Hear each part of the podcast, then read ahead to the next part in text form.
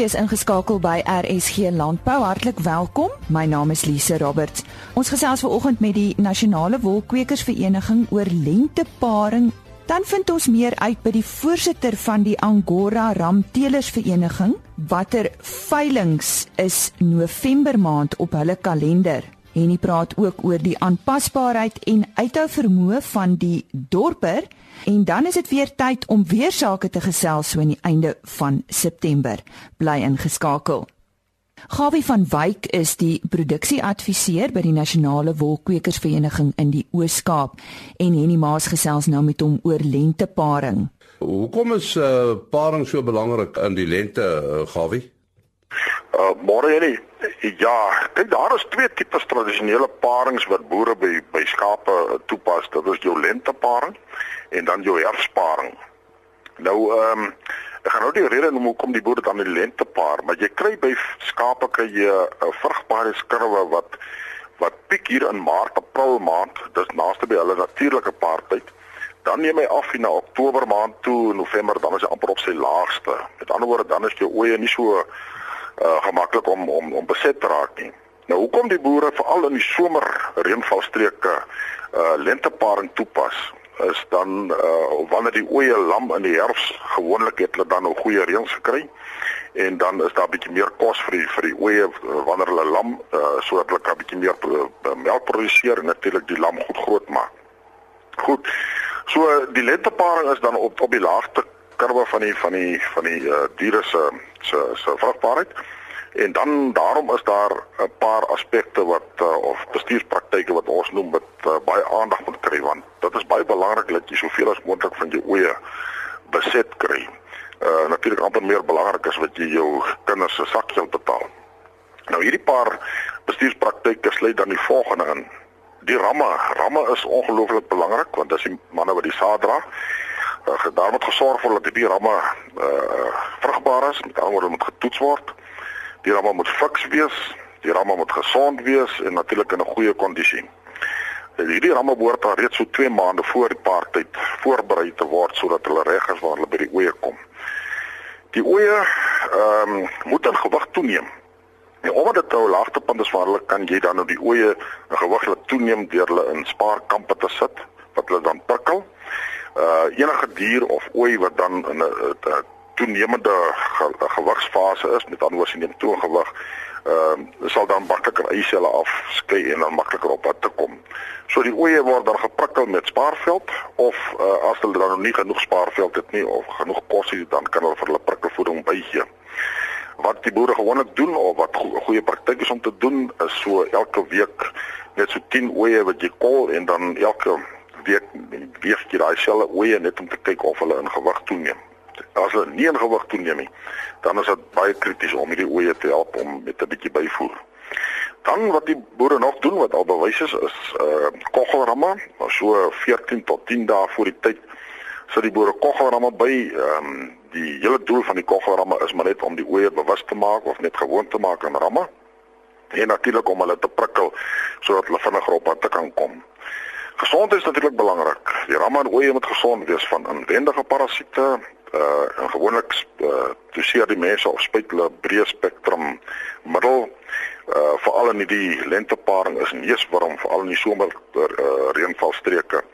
Uh kan hy nogal ergernis wees uh en die neusworm as hy besmet is daarmee uh, vir, vir belemmer dit die reuk van die ramme. Goed. Dan ander gebruike is baie boere doseer hulle oeye en ramme vroegtydig met veral minerale en middels soos koringkiemolie wat die saadvorming by ramme en die eiselvorming by oeye aanhelp. Paring is belangrik om jou jong oeye apart met ouer ervare ramme te paar.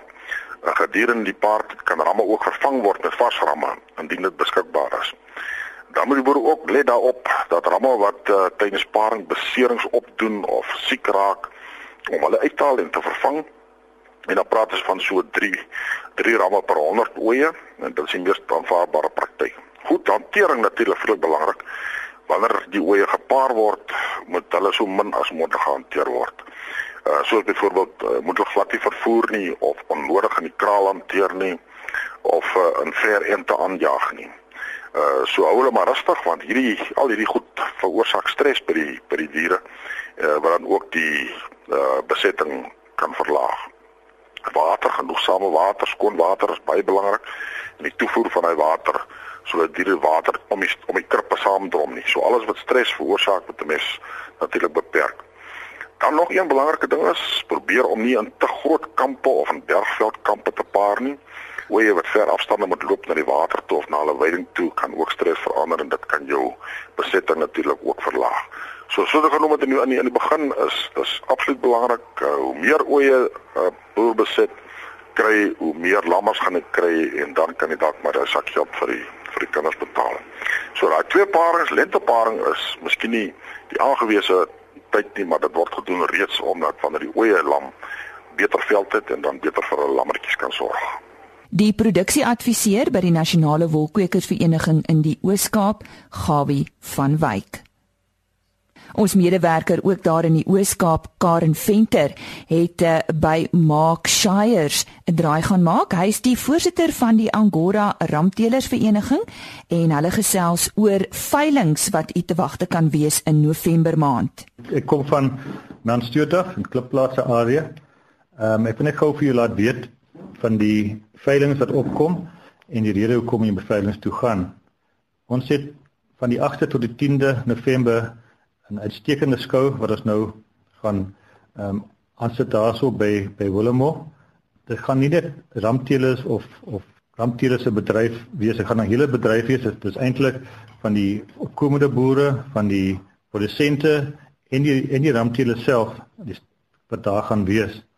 It's going to be a total industry thing. There's going to be shows um with for people who are starting farming. Um there's going to be stalletjies there for for all sorts of of um, things that you can buy, Murray products, etc., etc. It's really worthwhile. So if you're in the area from 8th to the 10th, please try and attend. You'll really be pleasantly surprised. At that show, we are planning on having a a, um, a sale of a ramp sale, en die die veiling gaan wees 'n spesiale veiling van uitgesoekte stoetramme. En dis die eerste keer in die laaste 6 jaar wat ons so veiling gaan hou, daar gaan uitstekende gehalte diere daar wees en ehm um, en dit is van definitief die moeite werd as jy wil jou jou kudde 'n bietjie wil opknap. Op die 7de 7de November en die 24 November het ons ook veilings. Eerste een is in Somerset Oos, die 17de en die 24ste is dit op Graafrenet.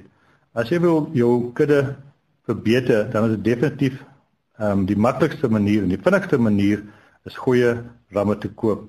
Dit help nie jy begin nou jou eie ramme teel, jy gaan net agteruit gaan. So soos soos die mark nou bepaal, jy wil soek fynere ramme of beter kwaliteit ramme, of beter kwaliteit hare, die beste manier om dit te doen is kwaliteit ramme te koop. Kom kom kom na die die die twee veilinge, die 17de en die 24ste, jy sal definitief baie goeie ramme daar kan kry en dit was dan 'n bydrae van Afkaren Venter ons medewerker in die Oos-Kaap en sy het daar met Mark Shires gesels. Hy's voorsitter van die Angora Ramtelers Vereniging Dis nie altyd maklik om 'n boer te wees nie. Daarom het ons by baie besluit dis hoogtyd dat jy die boer bedank word vir jou ondersteuning en die kos wat jy daagliks op ons tafel sit. Ons stel graag ons reuse baie dankie beloningsprogram bekend, die eerste van sy soort vir die Suid-Afrikaanse boer. Ons gaan 'n paar tawwe pryse weggee, 'n Toyota Land Cruiser, 'n viertrek motorfiets, doseerprogramme en vele meer te waarde van bykans 1.5 miljoen rand. Hou die pers maandeliks dop vir ongelooflike pryse, gratis produkpromosies, krap en wen promosies en nog vele meer. Kontak jou plaaslike baieragent nou of besoek jou naaste agribesigheid en kry die beloning wat jy verdien. 'n Massiewe baie dankie aan elke boer.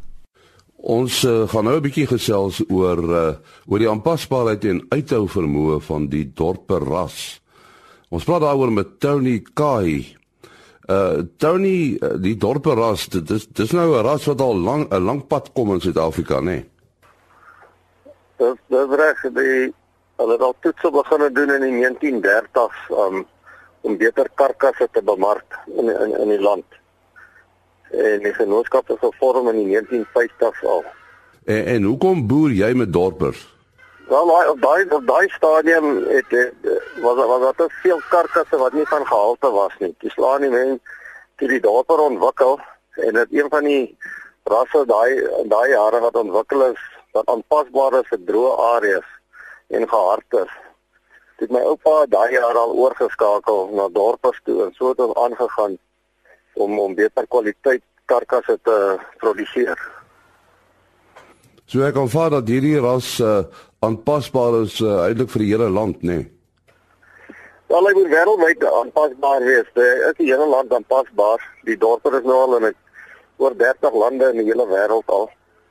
En ja, dit is ongelooflik. Hy baie groot in Australië geraak en Midde-Ooste, um, China, al die lande het hy nou al uitgevoer en is aanpasbaar na al die plekke. En hy hy's geteel vir droë droë streke soos die Karoo. Daar daar is en sommige ouens wat sê dat dat daar 'n uh, tyd was dat die dorperas te kort op die been geteel is. Nou het daardie opmerking is enige invloed op die dier se groei en uh, byvoorbeeld sy reproduksie vermoë. Wel met met met Veltron met die ontwikkeling van Veltron projekte in in in die in die meet van prestasies het het ons agtergekom dat die die diere wat te plat geraak het, nie dieselfde groei vermoë en pasbaarheid het of die diere wat bietjie hoër op die been neig. Hulle lyk net makliker stap as ekstensiewe areas, baie kampe is groot, 600, 800 tot 1000 hektaar. Die diere moet kan loop vir kos en water. So met prestasie toetsing het dit uitgewys dat die diere nie so aanpasbaar was nie. As jy kyk nou na diere teel dan is blipsyfers en genetiese eienskappe baie belangrik. Maar op jou end is dit maar hoe die skaap lyk nê nee, wat gaan bepaal of hy gaan gekoop word of nie. Nie heeltemal heeltemal nie vir baie mense is dit hoe die dier lyk. Dat verseker daai skool wat die dier moet ongelooflik mooi wees en hulle kyk nie na die ander kant nie, maar wat jy weet is wat jy meet. As wat jy meet is wat jy weet. So as 'n mens die blipsyfers gebruik en kombineer met die oog, dan moet dan moet 'n balans tussen die twee wees. Mens moet jou oog die fenotipies en die en die fenotipies kombineer. En uit dit kan 'n mens die beste kry vir die dier. Ons kan nie net op die oog gaan nie. Ons het gesien dit werk nie. En bladsyfer is baie baie belangrik dat ons kan meet wat die dier in staat is om te doen. En al die raai die raai werk uit die storie uit. En, en wat onderskei die dorpe ras nou van ander rasse? Want die dorpe was oorspronklik geteel vir die hierdie hierdie um droë streke om 'n beter karkaskwaliteit uh te kan produseer. En as ons kyk na slagland, die slagland kompetisies oor die jare, wen wen die dorpe om omtrent die afgelope 20 jaar. Wen die dorpe karkas die die slagland kompetisie het eers nog steeds een van die beste kwaliteit karkasse in die wêreld. En die ander ding as dit droog raak, jy het altyd die opsie om te kan voer in in in die skaap te af te rond. En ek sê sy karkaskwaliteit is net as die beste in die land in die wêreld. Nou, vertel ons net so ietsie oor jou boerderye. Watter omgewing boer jy? Um, ek boer in tussen Trixton, Merida in die Noord-Kaap. Ja, ons boer so 8 8 hektaar per ooi hierson. Dit is baie noordelike Karoo. En my eerste liefde is die witdorpers. Ek boer met witdorpers. Dit ehm um, die stoet het al begin in 1964 deur my oupa en ek nou maar plaas toe kom, het ek maar oorgeneem en aangegaan. En ja, my boerdery so noodsaaklik is maar wat wat daarvoor en 'n gedeelte boere kruising tussen met Wadorp of Arooi, Arooi oeye. vir die ekstensiewe um, areas hierso. En en hoe groot is jou kudde? Ek boer so met 2000 oeye. En jy sê dit is maar ekstensief daar waar jy is. Ja, so ek sê 'n boer amper 8 hektaar, 8 hektaar per ooi. So dit is maar baie baie ekstensief. Het jy probleme met die droogte gehad? Ja, die droogte het almal geknou. En die droogte is nooit 'n lekker ding nie. Wat bitter bitter moeilik vir die boere daar. Ons was nog geseën dat ons bietjie reën my maand gehad het en in die winter en dan ons streke in Suid-Afrika wat baie baie droog is. Maar dit het ons almal affekteer. Ons het ook maar al laas jaar November begin die diere verminder goed weggelaai so skuwe wat jy kon planne maak wat jy kon maak. En ons het ook maar gevoel. Ja, ons sê baie dankie aan Tony Kai. Het gehoor hy is 'n dorper boer. Die Alpha Expo het Dinsdag by die Afridome daar in Parys afgeskop en Henny Maas het daar gaan inloer en uh, so 'n bietjie oor die kampioen van kampioene gepraat en ook met Delaval oor uh, suiwelsake. Kom ons luister. Uh, ons gesels nou met uh, Albert Loubser van uh, Veeplaas hier by Alpha op Parys. Uh almal het nou uh, Alpha uh, op hulle uh, lippe Albert, uh, hoe gaan dit met Alpha? En nie dit gaan uitstekend. Ehm um, ek voel soos die spreekwoordelike foksterrier wat die taxi gevang het. Dit was 'n paar wille maande en uh, uh baie reëlings en dit is wonderlik om te sien hoe dinge toe nou mooi bymekaar kom. Ehm um, ons het uh, regtig wat die uitstallers betref en die program betref oor die afgelope 2 dae heerlike program gehad. Ehm um, die mense het in die stalle gebly wat 'n heerlike atmosfeer geskep het op die terrein. Ehm um, dit was nogal regtig 'n geleentheid om te onthou. En ek dink die baie baie belangrike ding wat ons vir onsself gesê het is dis die begin. Uh mens begin altyd maar eers en hierdie is die begin en 'n beter begin kon ons nie gevra het nie. Die datum vir die vir Alfa 2017 is 19 September volgende jaar en die beplanning en die reëling en die bemarking daarvoor het reeds begin. So uh hierdie is dan die die die begin van wat ons hoop regtig 'n groot geleentheid gaan word. Nou wat vandag betref, is dit nog 'n baie spesiale dag. Dit is die hoogtepunt van die van die hele week. Ehm um, Ons hou vanmiddag die nasionale interras kampioenskap en ek moet miskien net 'n kort oomblik hierby stil staan want ek ek ek dink nie mense verstaan die omvang van wat wat hier regtig is nie. Hier staan 20 diere in die ring. Hierdie 20 diere is kampioene van kampioene. Dit beteken dat eers het 'n uh, teeler deelgeneem op byvoorbeeld Bloemskou of Vryburgskou of die Royal of Moreesburg of waar ook al en hy het sy ras se kampioenskap gewen. Nie tweede gekom nie, hy het gewen. Omdat hy sy ras kampioenskap gewen het, het hy dan gekwalifiseer om by daardie skou aan die skou se interras kampioenskap teen die ander rasse se kampioene deel te neem. En dan moes hy daar gewen het. Weereens nie tweede, hy moes daar gewen het. En eers dan het hy gekwalifiseer om Alfa toe te kom. So die diere wat hier in die ring staan, is met ander woorde diere wat gewen het in hulle ras, toe die interras daar gewen het en van hulle het selfs 2, 3 skoue se interrasse gewen en nou hiernatoe gekom. Ek dink nie in die geskiedenis van Suid-Afrika was daar al ooit soveel kosbare genetika op een plek bymekaar in eenheidskoste nie, want elke enkele een van hierdie diere is waarskynlik die beste in sy ras of in sy in sy konteks. En uh dis vir ons 'n wonderlike voorreg gewees of is vir ons nog steeds 'n wonderlike voorreg dat die teelers ons genoeg vertrou het om die moeite te gedoen het om hiernatoe te kom en hulle diere staan dan ook nou hier hier op uitstalling. Vanmiddag gaan hulle deelneem van omtrent die program met die interras begin so rondom 1 uur. Uh dan gaan ons 'n bietjie tyd spandeer hoe Martin Syfer te sokkie so met sy volle span van die interras beoordelaars gaan hulle vir vir vir uh, belangstellendes vertel hoe interras beoordeling werk en dan begin die kampioenskap. Dis dan die groot kampioen uh vleisbees bil, die junior kampioen uh vleisbeesbil, dan die uh, groot kampioen koei en die uh, junior kampioen uh, koei.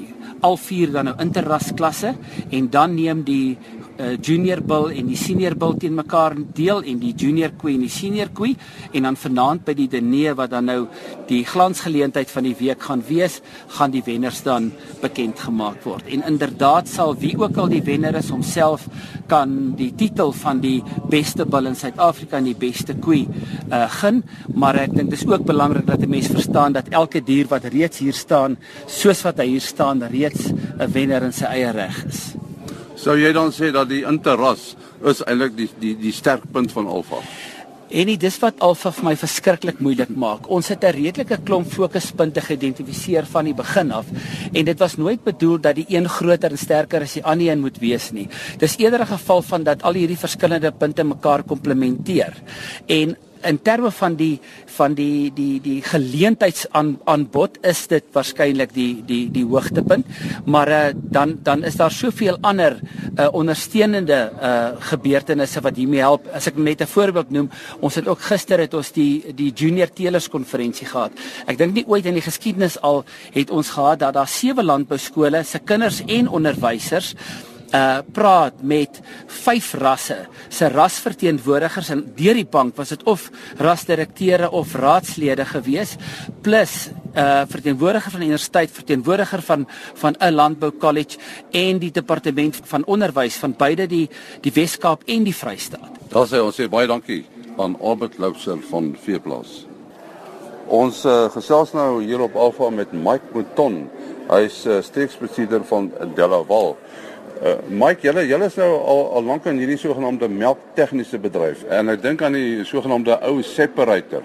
Dis seker maar waar dit begin het, nee. Ja, dis reg. De, de Delaval se se oorsprong is uh by Gustav Delaval wat wat die eerste melk uh, separator of room afskeier uh ontwikkel het en daarna het het die het die Delaval uh ontwikkel, die Delaval uh brandname soos ons sou sê. En uh die dinge, jy weet jy praat van ontwikkeling. Dinge het eintlik baie vinnig verander, net dit is nou baie meer gerekanaliseer. Ja, ehm um, een ding van Delaval is is ons uh, probeer regtig ehm um, vir al die melkbooie ehm um, aan aan hulle vereistes voldoen. So ons ons ons kyk na die klein opkomende uh, melkbooie wat wat nou wil begin. Ehm uh, kan jy 1 punt melkmasjienkies by ons by ons is is beskikbaar om ons te koop tot die uh, groot ehm uh, um, elektroniese melkmasjiene wat Uh, ons praat van 'n 64 of 'n 70 punt draaitafel wat 350 na 400 koeie per uur kan kan melk. Alles elektronies. Ehm uh, die melk word outomaties na 'n rekenaar toe gestuur. Ehm uh, die die koeie beweeg deur 'n uitkeerhek wat wat koeie ehm um, vir jou outomaties uh, gaan gaan sorteer uh, om jou ehm um, inseminasie of die uh, veeartsbedrywighede rondom jou kudde te te vergemaklik. Ehm um, ja, en dan uh wat wat ons baie doen deesdae is is in die behuising van diere. Ehm um, koei gemak, cow comfort wat die die basname uh is op die oomblik om om te kyk na dat koeie gemaklik is. Hoe gemakliker 'n koe is, hoe hoe groter uh of hoe meer produksie gaan gaan sy vir jou lewer. Hoe langer gaan sy op jou plaas bly. Jy jy praat nou so oor die tegnologiese ontwikkeling. Maar uh, is daar uh, genoeg mense hier in Suid-Afrika om om hierdie nuwe tegnologie te diens?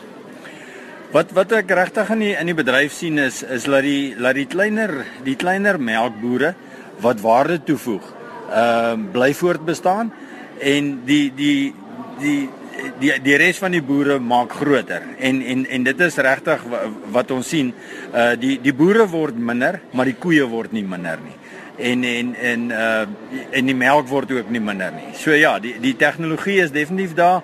Uh boere brei uit. Daar's daar's boere wat wat twee of drie boere uh, uh saam saam begin in in die bedryf in inklim en uh, dan sit hulle groter melkmasjien op en hulle hanteer uh groter uh volume melk. Uh melk is 'n is 'n volume game en uh jy jy ons moet liters liters vermeerder dit is waar die waar die wins lê. Dit was dan Mike Mouton van Delaval hier op die Alpha geleentheid in Parys. En baie dankie aan Henny Maas vir daardie twee bydraes vanaf die Alpha Expo daar by die Afridome in Parys.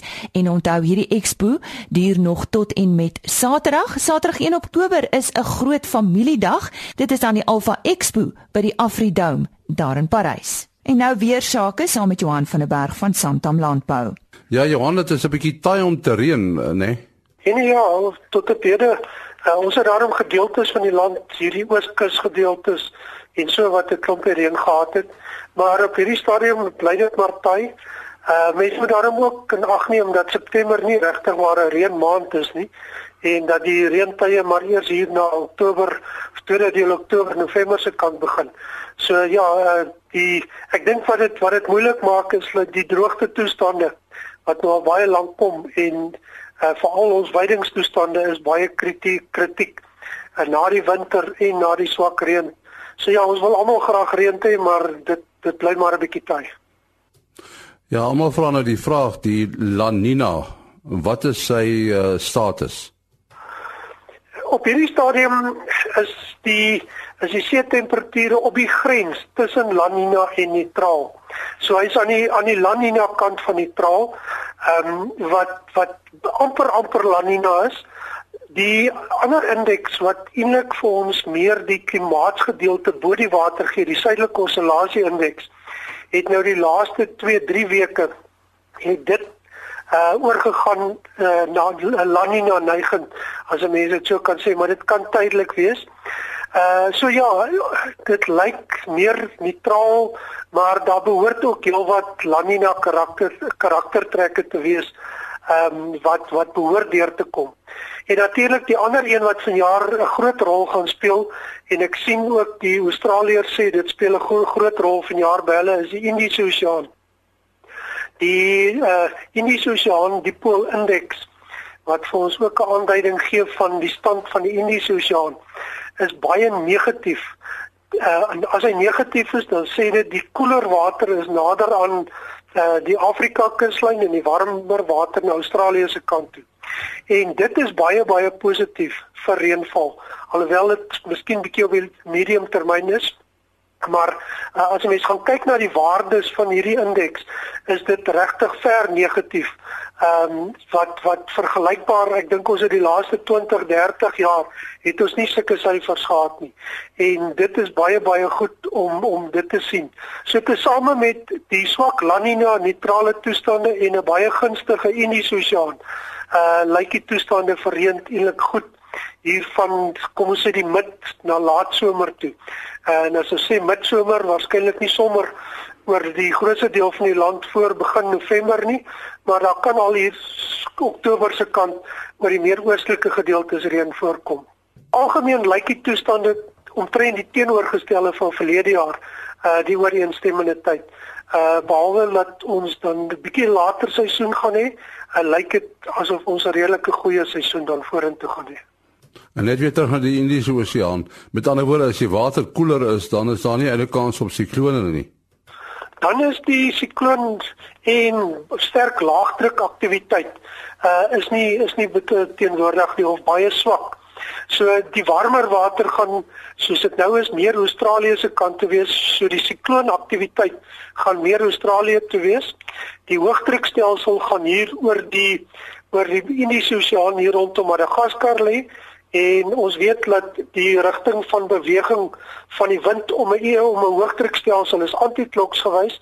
So dit gaan vir ons hier oor die Indiese Oseaan uh vog skep en hier oor Sentraal-Afrika terugbring uh wat baie gunstig is. So die posisie van die hoëdrukstelsel of die hoëdruksel uh behoort al hoe gunstiger te word in die, in die in die tyd wat voorlê.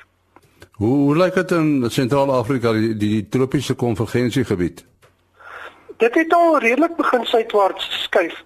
Mens kan sien hier oor uh, oor Angola die gedeeltes, maar uh, dit dit lê nog redelik dis dit het al begin beweeg, maar nie regtig waar nog baie ver suid nie. Ons sien ook uh, ons stelsels lê nog nie reg nie koue fronte wat nog hoog deurkom. So hierdie is maar almal so telekonneksie of of 'n verbinding met mekaar. So die toestande behoort keers uh, die volk behoort eers redelik af te kom hier na uh, die einde van Oktober begin November se kant toe. So in terme van landbou en veral watervoorsiening as hier nie in die volgende maand na 6 weke soos wat ons voorsien gaan gebeur uh gaan reën voorkom nie uh gaan ons watertoestand baie verswak. En selfs al begin dit reën en as dit gereën in November soos wat ons dink, gaan dit ook nog al 'n tydjie vat uh vir water om af te loop en ondergrondse water maar veral ons boogrondse water aanvulling. So wat wat dit betref uh is hier nog redelik redelike tye wat voorlê dit. Nou ja, ons hou duim vas vir goeie reën. Dit was dan Johan van der Berg van Santam Landbou. En daarmee groet ek dan vir hierdie week. Totsiens. RSG Landbou is 'n produksie van Blast Publishing. Produksieregisseur Henny Maas. Aanbieding Lisa Roberts. En uitskoördineerder Martie Kerstyn.